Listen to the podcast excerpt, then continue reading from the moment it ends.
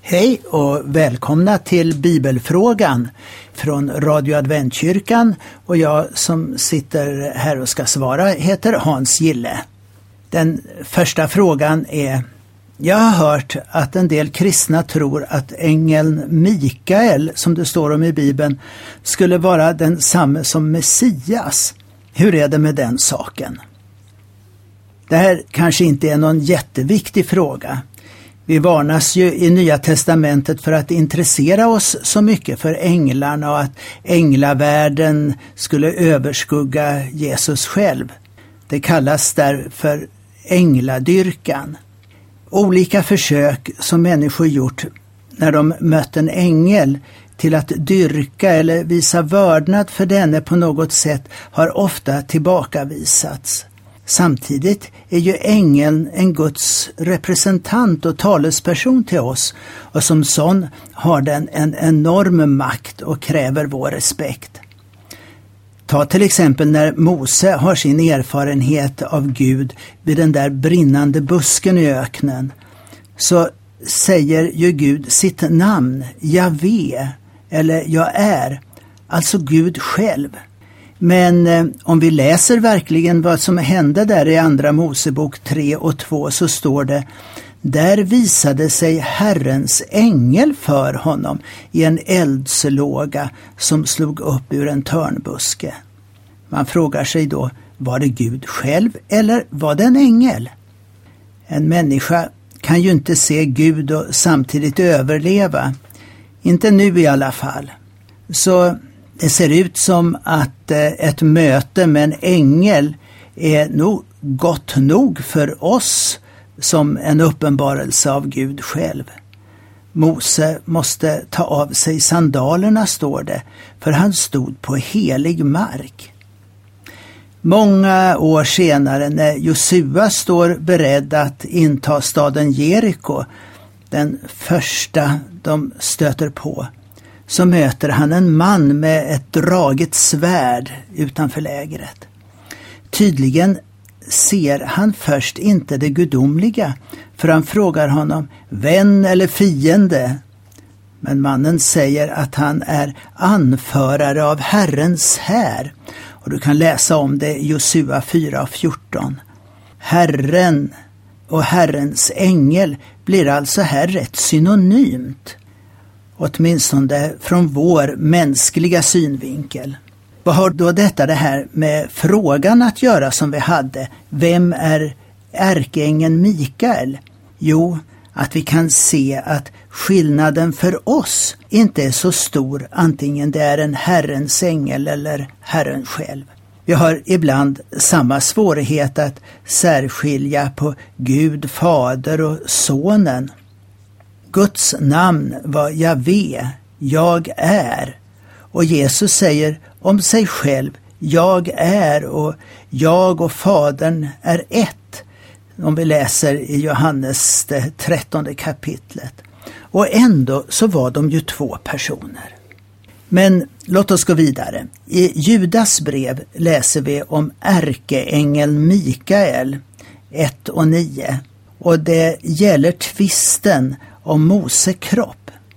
Det är ju så att Mose aldrig fick komma in i Kanans land utan han fick dö där på berget sedan han hade fått se in i landet.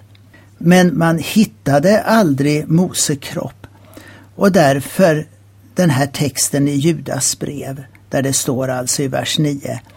Men när ärkeängeln Mikael tvistade med djävulen om Mose kropp vågade han inte uttala någon hånfull dom över honom utan sa må Herren straffa dig. Om vi sen går ännu längre fram så ser vi att på förklaringsberget så möts ju Elia, Mose och Jesus. Mose var en av dem alltså. Hur var det möjligt för de här två avsomnade herrarna från forntiden att finnas där? Ja, Jesus säger i Johannes 11 och 25, jag är uppståndelsen och livet. Man kan säga att båda var där på grund av Jesus. Jesus hade inte dött än som ett offer för våra synder. Så Satan kunde ju ha något att säga om att Jesus ville ta ut ett förskott på den här frälsningen och uppståndelsen. Moses blev uppväckt. Men det är inte änglar utan Jesus själv som har makt till uppståndelsen. Ändå står det att det är ärkeängeln Mikael som är där. Och då Jesus är livgivaren så får vi tvisten som står här eftersom Satan antagligen menade sig ha äganderätt till alla i dödsriket. Och härav alltså tanken att det egentligen är Jesus som just är där vid Moses sida som ängeln Mikael. Paulus ser ju Jesus i den 40-åriga ökenvandringen som Israel hade och menar att Jesus var med där. Låt oss se första Korinterna 10 och 4. Och alla drack de samma andliga dryck. De drack ur en andlig klippa som följde dem och den klippan var Kristus. Så den som har nycklarna till döden och dödsriket, det är ju Jesus. Det står, var inte rädd, jag är den första och den siste och den som lever. Jag var död och se jag lever i evigheters evighet och jag har nycklarna till döden och dödsriket. Det var ifrån Uppenbarelseboken, det första kapitlet där. En stor ängel med namnet Mikael nämns även i Daniels bok i tionde kapitlet och i tolfte kapitlet. Ärkeängeln nämns också i Första Thessalonikerbrevet, det fjärde kapitlet och vers 16, då Paulus beskriver det han fått lära sig om Jesu återkomst. Det står så här. Ty när Herren själv stiger ner från himlen och hans befallning ljuder genom ärkeängens röst och Guds basun, då ska de som är döda i Kristus uppstå först. Ser du hur intimt de här olika sammanhangen beskrivs? Vems befallning var det? Det var Jesu befallning.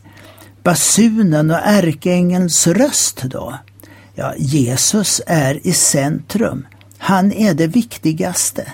Och för Jesus är alla de frälsta det viktigaste just då. För i Paulus beskrivning ser det ut att vara samma sak.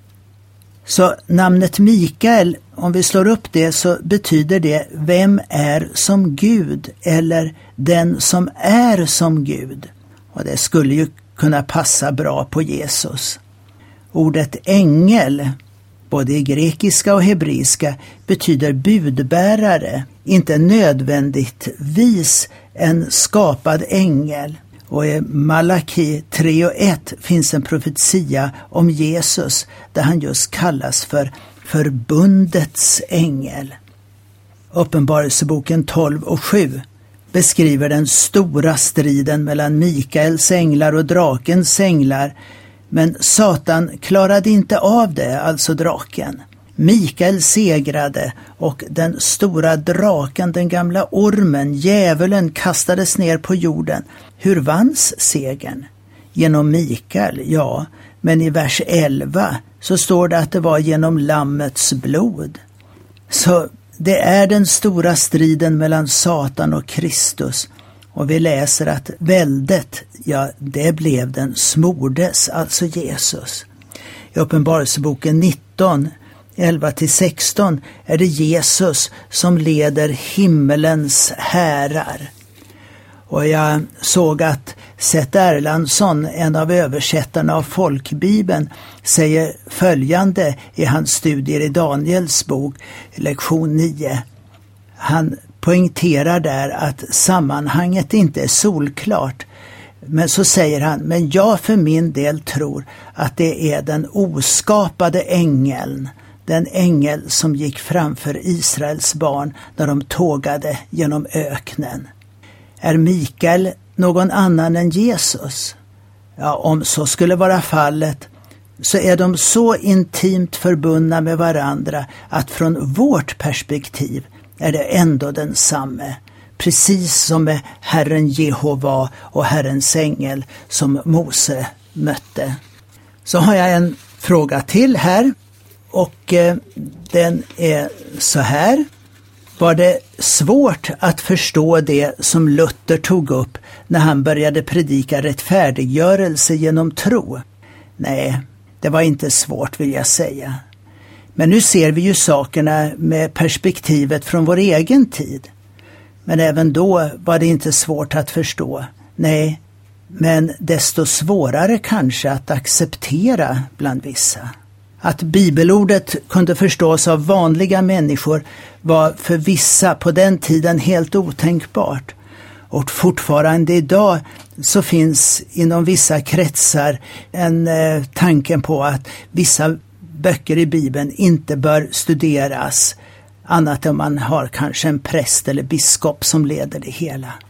Men läser vi Nya Testamentet så ser vi hur lärjungarna hela tiden utgick från att lyssnarna kunde verkligen förstå och i den mån de var läskunniga så kunde de göra precis som de intresserade i Berea som det står om i Apostlagärningarna 17 och 11 och forskade dagligen i skrifterna för att se om det kunde förhålla sig så. Därför blev det viktigt att Bibeln kunde läsas också på folkets språk på Luthers tid. Visserligen fanns det bibelöversättningar till tyska innan det, men principen att låta vanligt folk läsa och förstå, det var reformationens stora bibliska landvinning. Och så då det här med tron och nåden och frälsningen. Ja, Nya testamentet är klart och tydligt. Messias, frälsaren, hade nu kommit och med det var vägen öppen för var och en som ville tro och ta emot. Inte lag och fromma gärningar utan människans enkla personliga tro. Jag tänker på Apostlagärningarna 13, 38 och 39. Ni ska alltså veta, mina bröder, att genom honom, alltså Jesus, förkunna syndernas förlåtelse för er och genom honom blir var och en som tror rättfärdig och friad från allt det som ni inte kunde frias från medan ni stod under Mose lag.